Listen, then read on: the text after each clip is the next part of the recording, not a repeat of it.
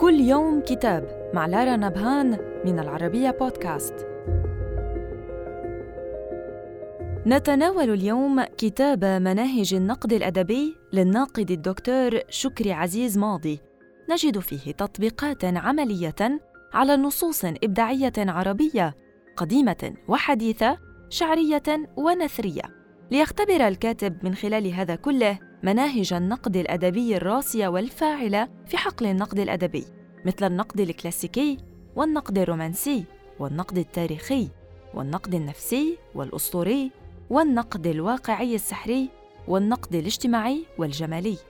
يمتاز الكتاب بغزارة المادة المدروسة وامتدادها عبر الأزمنة والأمكنة ووفرة الأغراض وتعدد التوجهات النقدية وتنوع النصوص والأطر الفلسفية والمصطلحات. صدر الكتاب عن المؤسسة العربية للدراسات والنشر. وإلى اللقاء مع كتاب جديد.